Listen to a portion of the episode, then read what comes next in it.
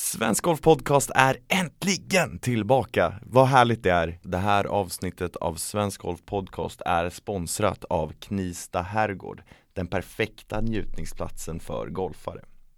På Knista kretsar livet i huvudsak kring, i huvudsak kring njutning. Herrgården består av en pampig huvudbyggnad, välrenommerad restaurang med mat lagad från grunden och det viktigaste kanske, en riktigt bra bar.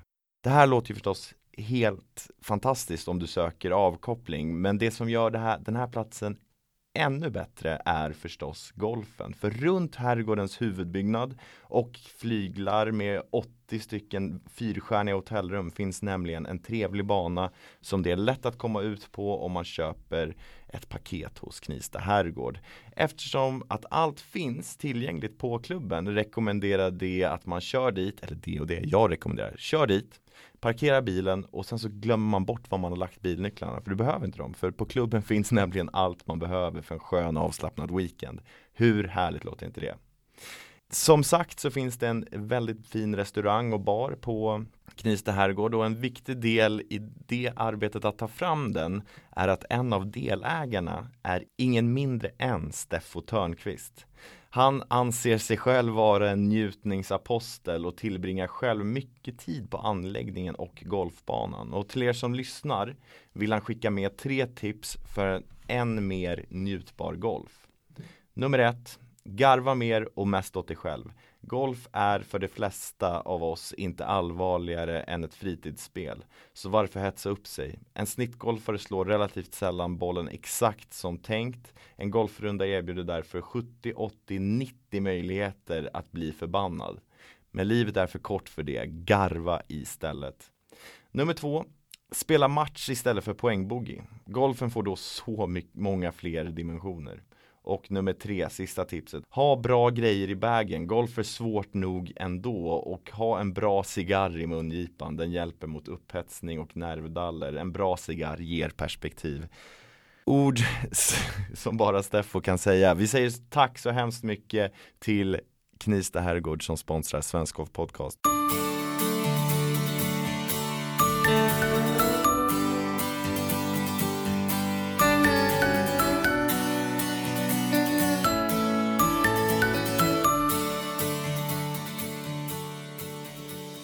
Hej och välkomna till Svensk Golf Podcast som just nu är i någon slags karantän här på grund av Corona och på andra sidan Skype-tråden har vi en annan person som också är i någon slags karantän gissar jag. Eh, Marcus Kindhult, välkommen till podden.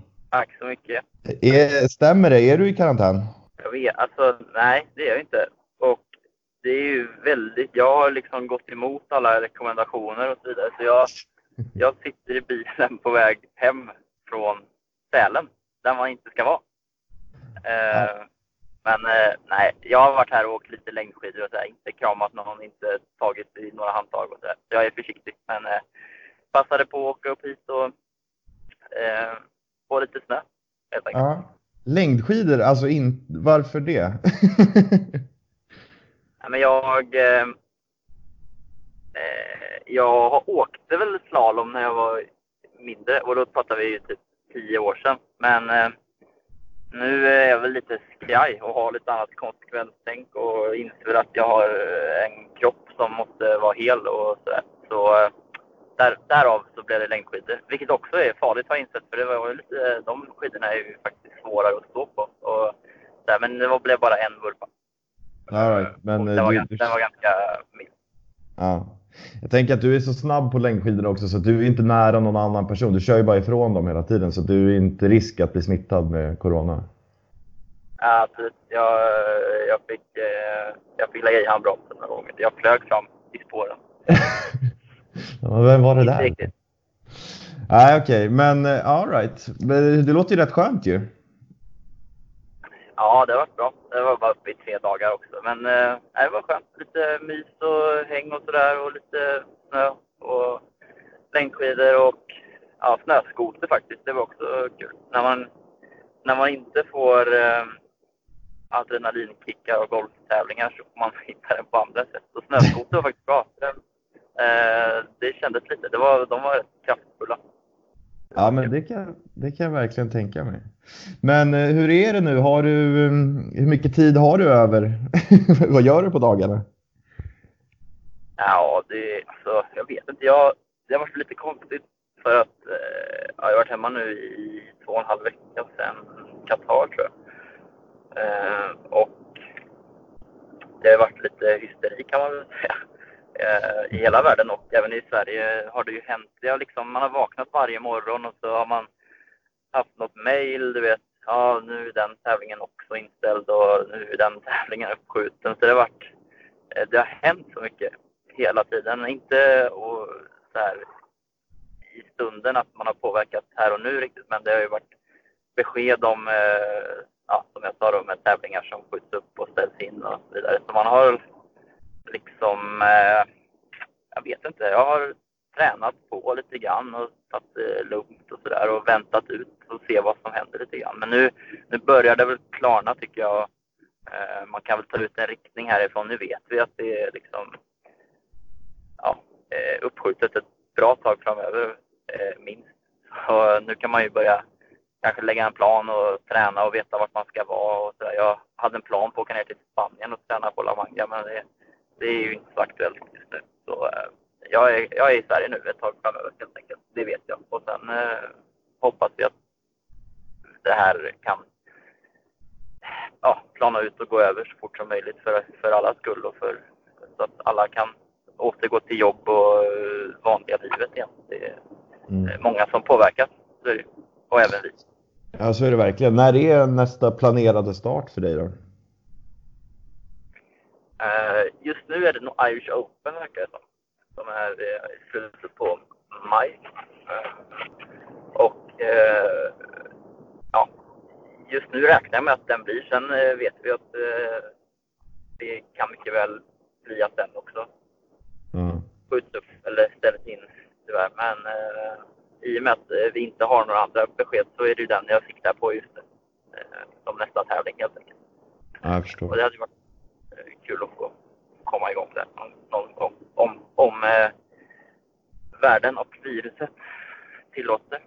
Ja, det är en märklig, märklig vår liksom här vi har framför oss. Med, ja, det händer ju inte så mycket egentligen. Men um, hur... Nej, och, jag vet inte, jag kan tänka mig för er också, journalistik. Alltså jag kollar på eh, Sportnytt här liksom. Det är ingen, det är ingen livesport överhuvudtaget att äh, rapportera liksom. Utan äh, det blir ju, det blir ju, ni drabbas ju också såklart.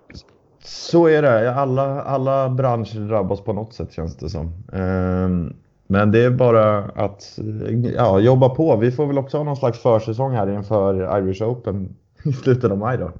Men ja. eh, hur, hur kommer det här påverka spelarna på touren tror du? Jag tänker att så här, intäkter försvinner för många, många månader. Det måste ju vara ganska jobbigt för många spelare.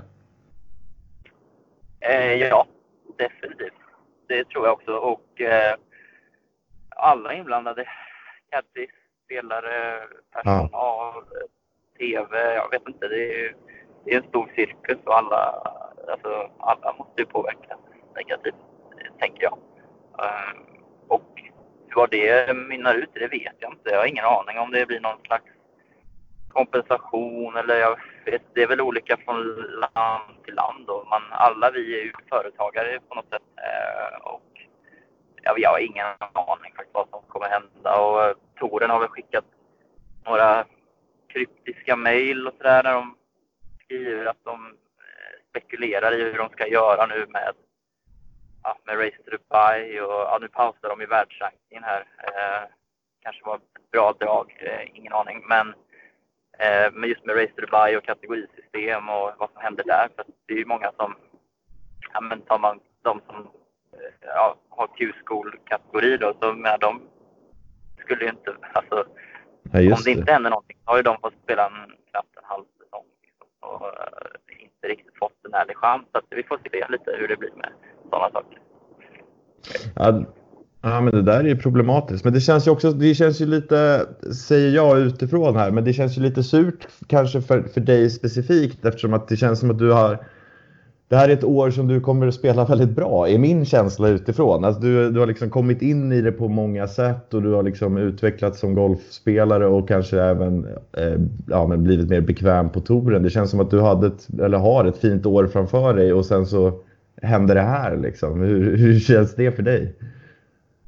Nej, men det är, det är surt för mig också definitivt. Och Eh, Håller du med förresten i beskrivningen om att du har, hade eller har ett stort år framför dig?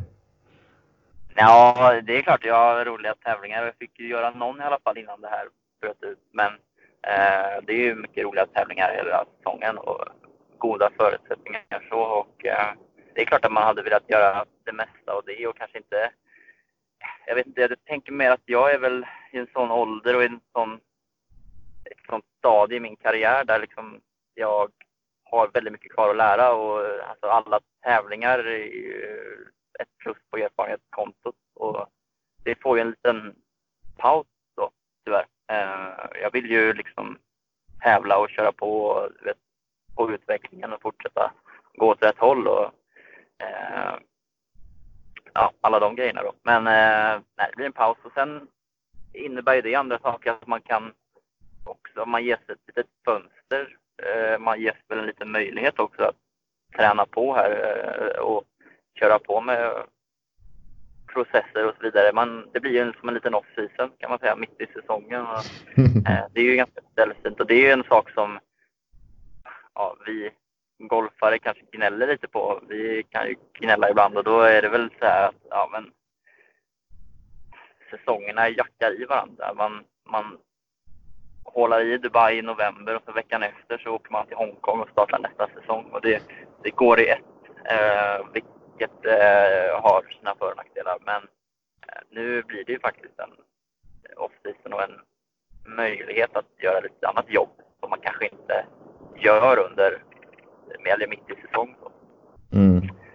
Och, eh, och, det är ju som allt sådana här situationer så det är ju så mycket man inte själv kan påverka, men det man kan påverka är väl det man ska lägga sin energi på, tänker jag. Och då eh, kan man i alla fall göra bra träning och reflektion och vara så redo det bara går när det, när det blir dags sen. Mm. Är det några specifika delar av spelet som du tränar extra på här nu när, det, när, när du har lite tid åt det? Ja, det, jag har inte varit helt nöjd med min ballstriking. Eh, egentligen, även förra året också som var ett bra år, så kände jag att det, lägsta nivån var väl inte tillräckligt bra tyckte jag. Och, jag vill få upp den, eh, helt klart. Och det är väl det som också kanske är lättast att jobba på hemma i Sverige nu när griner och sånt där är stängda. Så, alltså närspel och puttning är ju inte riktigt eh, läge att träna. Så att, eh, jag, jag vill jobba upp min boardstriking och det är en process som man kan attackera från olika håll. För mig är det väl en ganska stor del ligger väl i fysiken också. Få upp, upp den och eh, ja, bli bättre helt enkelt. Mm, mm, mm. Så tänker jag. Ja, okej, okay, men så då blir det ranchmatta. Du blir en ranchrotta kommande månader då kanske? Det blir jag definitivt. Och, men nu öppnar i och för sig banorna här, på, eller våra banor öppnar imorgon, fredag. Så eh, då blir det väl några varv också kanske. Några varv redan imorgon? Ja, det blir nog en nia åtminstone. Tror jag. jag har ja, service på bilen så det är lite taskigt men jag hinner nog gå. Ja, men det gäller att prioritera. Vet du. Men eh, jaha, vad gör du annars då för att bedriva tiden? Har du, hur många Masters-söndagar har du kollat på Youtube hittills? Eh, jag har nog, alltså de är långa, de är fem timmar så jag kollar inte hela vägen. Men eh, Nej, jag har kollat på några. De senaste kanske var 2015, 2016. Mm. 20, jag kollar på 2013 också. Eh, Skott. Ja, den är väldigt bra. Jaha, vad senare du väljer ändå? Eller vad nutid? Ja, men jag... Du får tänka på att jag är ung också. Ja, just det. Jag, jag, jag kan inte relatera till 86 med Niklas och de där. Det är ju coolt att kolla på, men det, jag vet inte, för mig blir det inte så coolt. Som Nej, för de äldre. Jag förstår. Ja, men, eh, har du några andra tips då vad man ska göra här till, till, till oss andra som inte har något heller något att göra? Vad ska vi göra på dagarna? drilla, stretcha. Eh, nej, men kolla golf är ju bra. Det kan man göra. Jag tror vi har satt kör väl lite gamla klassiker och sånt. Gör de inte det? Eh. Jag har dålig koll, men om de inte gör det så får vi, vi får höra av oss till, till Anders och, och, och Pierre och alla där så får, får vi se till att fixa det. Ja. Nej, jag vet inte. Det, är ju, det står ju stilla, men eh, nu är det ju alltså så länge Sverige eh, låter oss så är det bara att gå ut och spela golf. För nu öppnar ju banorna, i alla fall i söder. Så det är bara ut och veva så länge man kan. Man vet ja. inte hur länge man får göra det. Liksom. Ja. En grej jag tänkte på att du kanske gör nu när du har lite tid över, är det att spela golfspel på, på Playstation? Nej, men jag, dumt. Jag, jag skulle till Spanien hade jag tänkt och där har jag mitt Playstation. Nej! Kan du frakta hem det på något sätt? Nej, det är ju helt stängt. Alltså. Eller ja, det kanske går. Men jag är inte så desperat än. Vi får väl se. Vi får ge det någon, eh, någon vecka till så kanske jag gör någon åtgärd. Men eh, nej, jag får klara mig. Okej. Okay. Du, du har en stående inbjudan till match på The Golf Club 2019 från mig om du, om du är sugen på att få stryk. Eh, fruktansvärt bra alltså. Ja, men jag, då är ju du före mig i alla fall i utvecklingen, för jag spelar ju fortfarande Tiger Woods 2005. Nämen, det går inte. Nej, ja, ja, det om jag får rekommendera något att göra så är det att skaffa det spelet för där finns det ett mode där man kan bygga banor. Så att jag har börjat bygga min gamla hemmaklubb Vassunda Golfklubb. Jag är inne på hål 3 just nu, ett kort par 3 här med en liten vatten till höger där. Det är, ja, det är lite småkul, men man ska också ha väldigt gott om tid och inte ha någonting annat att göra för att det är pilligt. Men strunt i det nu. Eh, du, du nämnde det lite, lite stretching, lite sånt och gå ut och veva. Har du några andra övningar du tycker man ska göra som glad amatör här nu på vårkanten? Uh, ja, så. Nej, men jag, jag, jag tror ju på, jag tror på modellinlärning, tror jag det heter. Uh, alltså, och då menar jag kolla på golf. Jag tror att man lär sig rätt bra på det. Jag, inte, jag tycker man gör det i alla fall. Uh, jag kollade alltid på golf när jag var liten. Hela tiden. Jag somnade till golf. Och jag tror att det är ganska nyttigt ändå. Mm. Sen är det bra att aktivera sig med någonting också. Så man inte bara sitter i soffan kanske. Men, uh, ja, men just om man vill bli bättre på golf så tror jag det är ganska eh, effektfullt. Ja, ja, varför inte? Jag, jag har ju lite svårt, eller jag, jag, jag, jag, jag säger ju själv att jag har ett väldigt lågt handikapp i liksom golfteori. Jag fattar ju vad de gör och varför och hur ni gör på touren liksom. Eh, men, men sen när jag ska utföra det själv så blir det lite svårare liksom. Ja, ja det, det krävs väl några timmar där också. Tror jag. Ja. Eh, ja, okej, okay. men ja, tävlingarna ställs in här nu. Irish Open nästa planerade ET-tävlingen. Kommer det innebära att du lirar någon så här, blir det någon så här vårscramble bara för att tävla någonting här i vår hemma i Sverige? Eh, Kanske inte scramble, men... ja, men det är det roligaste i och för sig.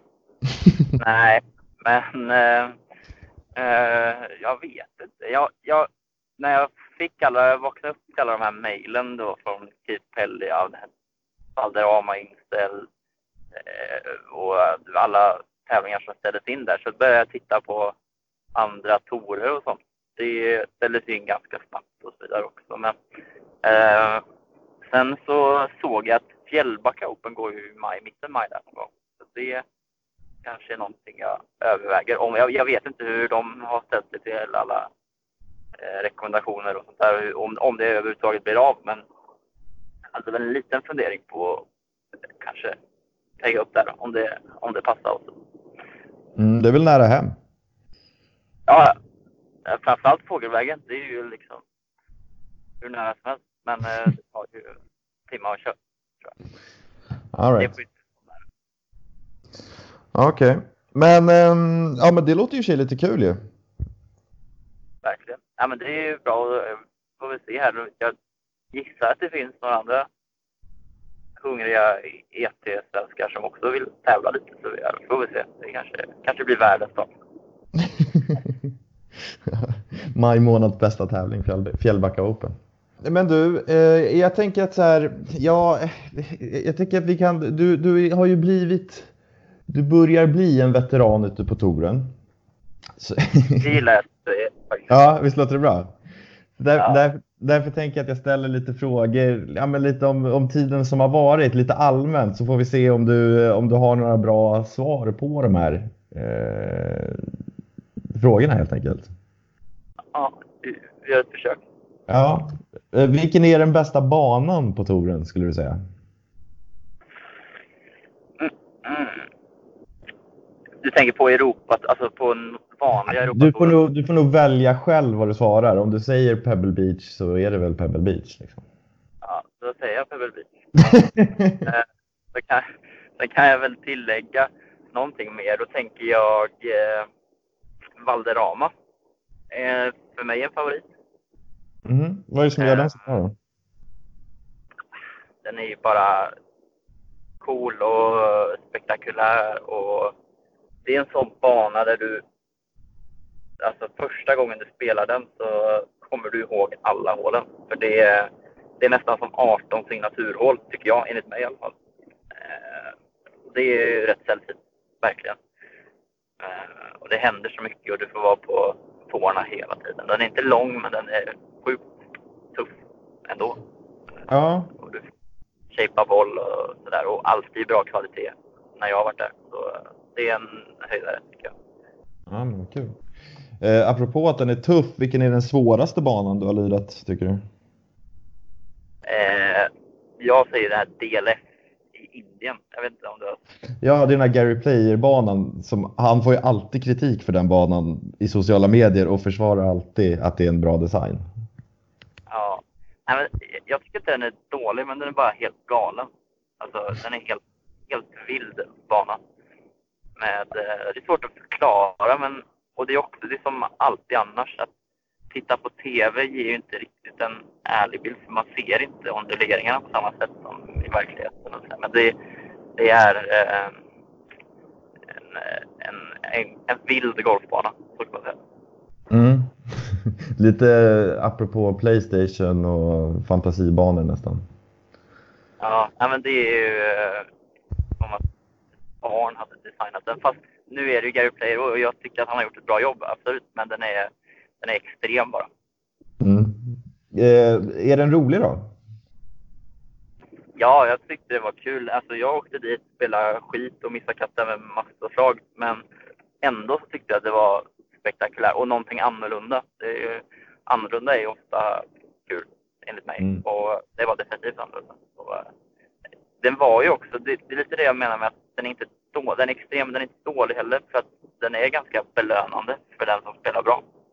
Ja, jag förstår. Det är det alltid två, tre personer som gör på den banan och då lyckas de ändå gå tio under eller någonting vinnarskår. Kanske det har varit där, jag vet inte riktigt. Men, ja, men någonstans där skulle jag säga. Då är det nog världens njutning tror jag att spela den banan. Ja. Men det känns ju också som att den banan, så här, missar du lite då är det ju stendöd. Liksom. Får, ja. Det är viktigt att ha koll på grejerna där. Men eh, apropå Indien och sådär, liksom, hur, hur känns det att resa så mycket som du gör nu? Och liksom, vad, mm, ja, vad tycker du om det? Jag vet, det är en sån här vanlig fråga jag brukar få från alla möjliga personer. Och det är svårt att svara på, men jag tycker det är okej. Okay. Alltså, jag, jag började inte med golf och jag drömde inte om att spela på touren för att få resa. Eh, men det är en del av det och jag tycker det är rätt schysst ändå. Alltså, eh, jag har ofta sällskap med mig dessutom. Min eh, sambo Agnes åker med ibland och eh, annars har jag med pappa och någon gång ibland. Och, ja, du vet, jag är sällan ensam vilket är skönt. Jag, det var väl någonting som jag hade ganska ont av i början på proffskarriären när jag lite grann testade mig fram och då insåg jag väl ganska snabbt att, att vara ensam är ingen vinnande formel, för mig i alla fall. Och eh, det är väl en bit som jag har eh, prioriterat då, att få med mig sällskap och ha med mig. Och som tur är så har jag folk som fortfarande tycker jag är OK att hänga med. Så de vill med Så det är skönt. Ja, det är bra det i alla fall. Men eh, hur, hur är det liksom så här, ja men jag tänker så här jetlag och hela den där biten. Hur, hur är det en vanesak eller hur hanterar du det? Ja, kanske en träningssak. Jag vet inte. Det är, det är inget jag medvetet jobbar med. Jag gör som jag alltid har gjort och gör och det jag det som jag tror på för stunden. Och är det att sova eller hålla sig vaken, det beror lite på vilket håll man reser åt eller hur många timmar och så vidare. Men det är ju inte lätt tycker jag. Jag tror ingen tycker det är lätt, men eh, man får göra det bästa av det. Och det är ju, eh, man har ju verkligen inga rutiner där ute. Det är ju någonting jag inser nu när jag är hemma under en längre tid. Att shit, vad skönt det är att gå och lägga sig samma tid och gå upp samma tid en hel vecka i rad. Det händer ju inte under en tävlingsvecka. För det är ofta måndag, konstigt resdygn när man sover lite blandat och sen så har man ju alltid en morgonstart eh, när man går upp vid 4-5 tiden och sen har man sovmorgon nästa dag och sen blir det tidigt igen. Ja, du vet. Man, mm. man kommer aldrig in i någon rytm riktigt. Så det är ju väl, jag vet det är ju också en träningssak antar jag. Men eh, enkelt är det. Nej, jag förstår. Det låter ju ganska ja, men, tröttsamt. Nu, jag tycker verkligen inte synd om dig för du har ett ganska roligt jobb får man ju säga. Men det låter ju lite tröttsamt med, med, med sömnvariationen ändå. Ja, nej, men det är väl en, eh, kanske en lite baksida. Men å andra sidan, jag vet inte, balansen i det är ganska fin. Alltså jag uppskattar ju båda just nu. Alltså det är jätteskönt att komma hem och få möjlighet att leva lite lugnt och vanligt. Och sen så längtar jag ju ut till tävlingarna och då är det skönt att komma ut och tävla. Eh, och eh, ha konstiga rutiner men få, som jag sa tidigare, få adrenalinpåslaget av eh, tävlingsbiten och allt det där. Det är ju, det är ju skithäftigt, tycker jag. Mm. Ja, jag förstår det. Um, har du några så här märkliga stories då kring så här hotell eller flyg eller transfer? Något som var speciellt eller stack ut eller något sånt där? Um, ja, det har jag. Det var, uh, ja, det var en ganska rolig grej. Uh, Portugal Masters 2018 var det väl? Ja, det var det. Då spelade vi på den här uh, vad heter den? Som Pedro-banan, mm. eh, Villa Mora är det väl? Ja. Eh, så, så bodde vi där på banan vi hade, och då hade vi, ja vi flög till Malaga. Eh, och så hyrde vi en bil i Malaga och körde till Portugal. Det var väl eh, 4-5 timmar tror jag. Att köra. Eh, det, mm. var, det var väl med flygförbindelse. Det gick väl direkt flyg till Malaga och så kände vi att det var värt eh, att göra så. Så vi flög dit hyrde bil där. Spelade tävlingen. Eh, spelade bra, så vi var väl klara någon gång på eftermiddagen där på söndagen. Och så hade vi flyg från Malaga på måndag morgon tidigt. Så då, ja, när vi hållade ut i princip så satte vi oss i bilen och körde till Malaga. Eh, så fem timmar bil. Eh, och det var pappa som körde. Det var jag, pappa och min caddy Adam då. Ja. Så pappa körde och han var ju enda föraren då. Vi stod ju inte som förare på bilen utan det var bara han som fick köra. Så eh, körde vi då. Eh, jag gissar att vi åkte därifrån klockan fyra på eftermiddagen och var framme vid nio då. Vi stannade och käkade så vi kanske rent av var framme vid tio. Eh, kommer fram till flygplatsen, ska checka in på flygplatshotellet och då eh, ska man ju, eller tilläggas för att det ringde ett konstigt nummer till mig ungefär halvvägs på den här bilresan som jag bara klickade. Jag tänkte att det, här, det var något, någon, eh, jag vet inte, säljare eller något konstigt nummer så jag mm. struntade eh, ja, kommer fram till hotellet i alla fall i Malaga, 9-10 till den och ska checka in och då är ju inte mitt pass där. Ah. Så, det passet ligger ju kvar på golfbanan, eller där vi bodde, vi bodde på banan. Eh, det var ju de som hade ringt då såklart. Så, eh, det blev lite panik så eh, ja, ringa upp dem eh, och då räknar vi snabbt att okej, okay, planet går om 10 timmar. Det tar 5 timmar att köra enkelväg Eh, så det, den ekvationen var ju tuff att få ihop. Eller det hade varit omöjligt. Det hade aldrig gått. Och då är klockan tio på kvällen. Så då ringer jag det här hotellet och de fixar så att vi, de fixar en transport. Eh, de kände någon som kunde köra och möta oss på vägen någonstans efter portugisiska gränsen. Så vi hoppade in i bilen igen och bränner tillbaka i, eh, ja, körde tre timmar för de var lite sega i starten. Så vi möttes där eh, vid Sevilla eller någonstans där.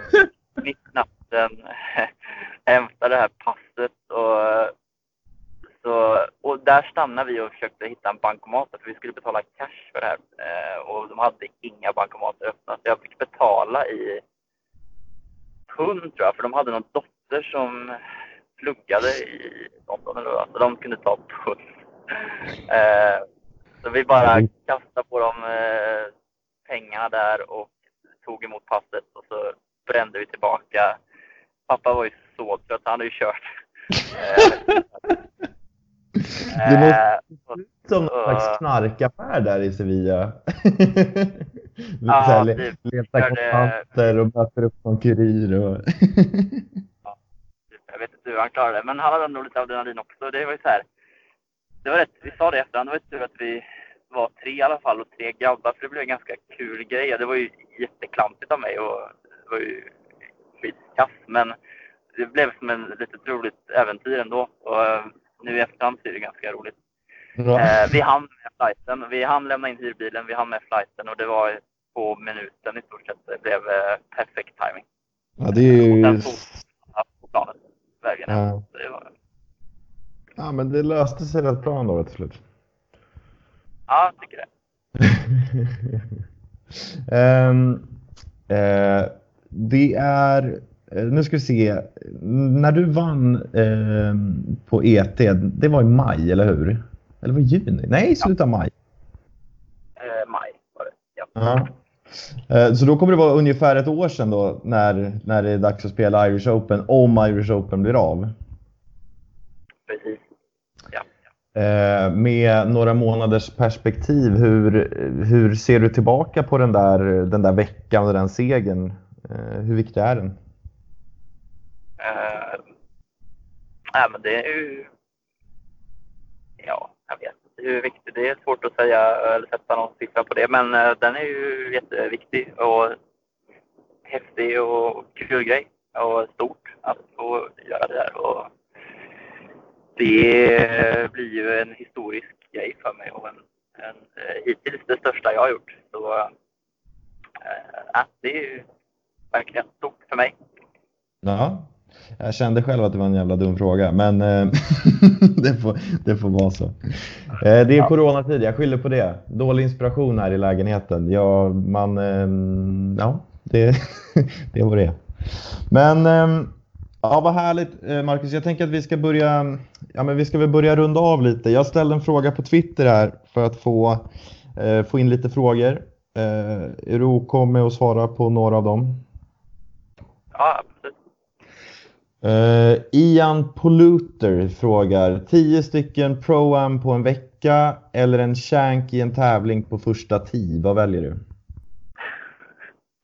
Vänta, va? uh, Okej, okay, så då... Uh, ja, men det är ju Shanken såklart. Du tar hellre en Shank på första tee än deltar i 10 stycken Pro-Ams på en vecka? Ja, och det är inte för att jag ogillar Pro-Ams, men 10 låter ganska mycket. Eh, det hade nog, den, jag tror att när man kommer mot 9-10 där, då är man ganska slut. Eh, och ganska otrevlig, troligtvis. Ja. Så tanken är ju lindrigare, men eh, den svider ju också. Jag har ju aldrig gjort någon på tävling, så det kanske är dags snart att dra den. Och då kan man lika gärna göra det på första tid, då blir det ju en kul grej. Bra start på veckan. Um, Måns Eriksson ställer en fråga, vi har väl varit inne lite på det kanske, men eh, han skriver förra säsongen spelade du en liten tävling på Onsjö GK inför comeback på ET. Kommer du göra liknande grejer med tanke på allt som händer? Uh, där sa de faktiskt, för jag kom på att jag blir tillfrågad om den tävlingen igen och den går i, ska gå i maj om den nu går uh, samma vecka som PGA-mästerskapen tror jag, eller veckan innan. Och eh, ja, varför inte? Får se. Ja. Jag, jag, stänger, inga, jag stänger inga dörrar. Eh, Gustav Wennerblom frågar, vilket är ditt favorithål på Skaftö GK? Mm, hål, eh, hål 7 är mitt favorithål. Okej, berätta om hål Är det 7 för oss som inte varit där. Nej, men, ja, men det är det hålet som alla skrattar åt när de kollar Barnguiden. Mhm. Det är eh, par 5, 380 meter tror jag, eller 388, något sånt. Eh, det låter ju ganska kort. Det låter inte omöjligt. det är, nej, det är inte omöjligt. Men, vilket det inte är heller, det är det som är lite kul. Men det är också ganska tajt. Och det är berg och grejer och gärdsgårdar och smalt och lite uppför och ravin och ja, det har allt. Och det blåser alltid crosswind från vänster. Eh, men det är så här, man kan stå en drive och så kan man ha en wedge in. Då är det ganska trevligt och sen kan man få bort tre bollar också om man eh, har ett litet blöd i bagen som högerspelare. Så det är ganska, det är ett kul hål tycker jag. Och där är det många som gör dubblar och tripplar bara. Det känns också så här, eftersom att det är så kort, att man luras in till att nu tar jag en driver så får, får jag ett, kort slag in, men så bara går åt skogen istället. Bokstavligt talat. Här det går åt berget. Ja, åt berget. Men um, Skaftö GK, om vi ska prata lite om, om den, den klubben för dig, hur viktig den är. Eh, alltså, ja, eftersom den är så tajt, som jag, jag har aldrig varit där ska sägas, men jag har ju förstått att den är väldigt tajt och knixig. Är, är det en bra grogrund tror du för att bli bra på golf? Det tror jag, det vill jag tro. Eh, den har ju brister och så har den fördelar. Och det har alla banor. Men en eh, fördel är ju att du får ju verkligen träna på att ja, dels att slå driver, för det kan man göra och då slår den väldigt rakt. Eh, du får slå mycket wedge här. Du får väl, eh, ja, närspelet kanske inte testas så mycket men eh, ja, mycket drivar, väldigt tight, mycket wedgar. Och en sak som jag tror är väldigt viktig också för juniorer och sådär, och eller för alla spelare egentligen, det är att, att lära sig att skjuta lågt. Det är en sak som, jag vet inte, som många av mina jämnåriga kanske när man växte upp, att när man kom till den internationella nivån så var det få av oss som faktiskt hade förmågan och hade fått träna på att skjuta låga scorer. Att man, när man kom till två, tre under par så var man utanför comfort zone. Att det kändes lite ovanligt och lite obekvämt nästan. Och att Mm. man då kanske håller igen lite grann. Eh, har man spelat mycket på skafter då har man också skjutit många låga scorer och fått träna på att ja, vara fyra under efter sju och du vet sådär och fått känna de känslorna som man känner då. Det är, det är, det är också det är en träningssak tycker jag. Och eh, att då våga och gasa på och skjuta låga scorer, det, det måste man göra. Och den, de känslorna och den processen måste man väl gå igenom, tror jag. Mm. Jag vet att vi har pratat om det tidigare, men jag, jag, minns inte nu på rak arm. Men vad är ditt, eh, ditt personliga rekord på Skafte GK? Alltså slag. Eh, 12, ja, 12 under. 57 gick jag en gång. Och är det bäst av alla eller är det Joel Sjöholm som har rekordet där? Det är lite oklart. Han har nog breakat 60 tror jag två gånger. Men jag tror inte, han har nog i alla fall inte breakat 57. Det är, nej, det hade jag vetat. Men jag vet att han har breakat 60 två gånger, tror jag minst. Ja, han kanske har gjort det. Ja, det är ju fantasiskårer där, där borta. Ja, men det är ju så. Den ger ju möjligheten. Jag räknar på det nu med, ja, om det är en sommardag och sådär och man har bra slaglängd i vägen så tror jag man kan ha 10 igelputtar på 18 hål. Så Ja, okej, ja. det, det går. All right. Ja, det låter roligt. Jag, får- jag får åka ner och spela den banan här nu under våren. Och, alltså, får, får jag, höra, jag, kan, jag kanske höra av mig innan och få lite tips från dig hur jag, hur jag ska tänka. Vi kan ju också göra så att jag designar den åt dig på det här spelet du snackade om. Så kan du Ja. hemma. Ja, men absolut. Och så kan du få spela Vassunda Golfklubb då. Där har vi det. Ja, det är superhärligt ju. Eh, en sista fråga här från, eh, på Twitter. Här. Göran Söderqvist, han har full koll på dig för han frågar hur roligt är det att åka snöskoter? Det är, det är kul. Det är lite för kul. Och Sanna, jag sa att jag inte åker alpint för att jag inte vill skada mig. Jag kände igår att jag kanske inte ska åka mer snöskoter för att jag hade, jag hade aldrig kört innan och så eh, körde vi någon sån här guidad tur. Med, vi var några stycken så ja, första halvtimman så åkte vi upp på fjället och så åkte alla på rad. Och så andra halvtimman så körde vi in i terräng lite grann, in i skog och sen sista halvtimman så körde vi tillbaka och då var det ju eh, guiden körde längst fram och så körde vi andra på rad, eller vi andra skulle köra på rad men då började vi längst bak ta ut svängarna lite grann och testa den här maskinen och då eh, blev det, gick det väldigt fort ibland och så körde man in i något hopp och så ja, flög den lite och jag körde på sidan och det var lite eh, ja, det hände lite och då kände jag att det var dags att sluta. Så det var eh, tur att det var stopp där. Ja, lite såhär X-Games-vibbar i slutet. Ja, men du vet är det där klassiska. Man ska köra sista bollen och så drar man korsbandet. Eller man ska köra sista åket och så händer något. Så vi Just det. närmade oss det där sista åket, men eh, det gick bra. Jag använde väl förnuftet. Ja, men vad härligt. Har du några fler, kanske lite mindre adrenalinstinna och lite mindre farliga resor här framöver planerade? Eller hur ser det ut kommande veckor? Eh, nej, jag har faktiskt inget planerat tror jag. Utan vi åker hem nu och så ja, blir det väl eh, vardag hemma på Skatte. Det var länge sedan jag hade det så det ska bli eh, spännande. Se Ja. vart det tar vägen. Men det blir mycket, mycket golf nu tror jag och ett tag här. Det, det blir bra. Ja, men vad gött. Eh, sista grej då, Marcus. Vill du, vill du tipsa våra lyssnare om någonting?